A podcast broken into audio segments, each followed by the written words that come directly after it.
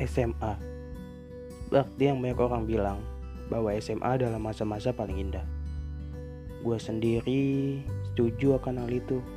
Oh iya, kenalin, gue Davi. Di Memolen, gue bakal ngobrol setiap minggunya dengan orang-orang yang punya segudang cerita. Mulai dari kekonyolan, kegembiraan, maupun kesedihan. Semoga di Memolen ini bisa menjadi wadah buat kita flashback ke masa SMA. Karena sukses apa pun kita nanti, ke mana pun kita pergi nanti, masa SMA menurut gua nggak nggak bisa kita lupain. Gue Davi, selamat mendengarkan podcast Memolen.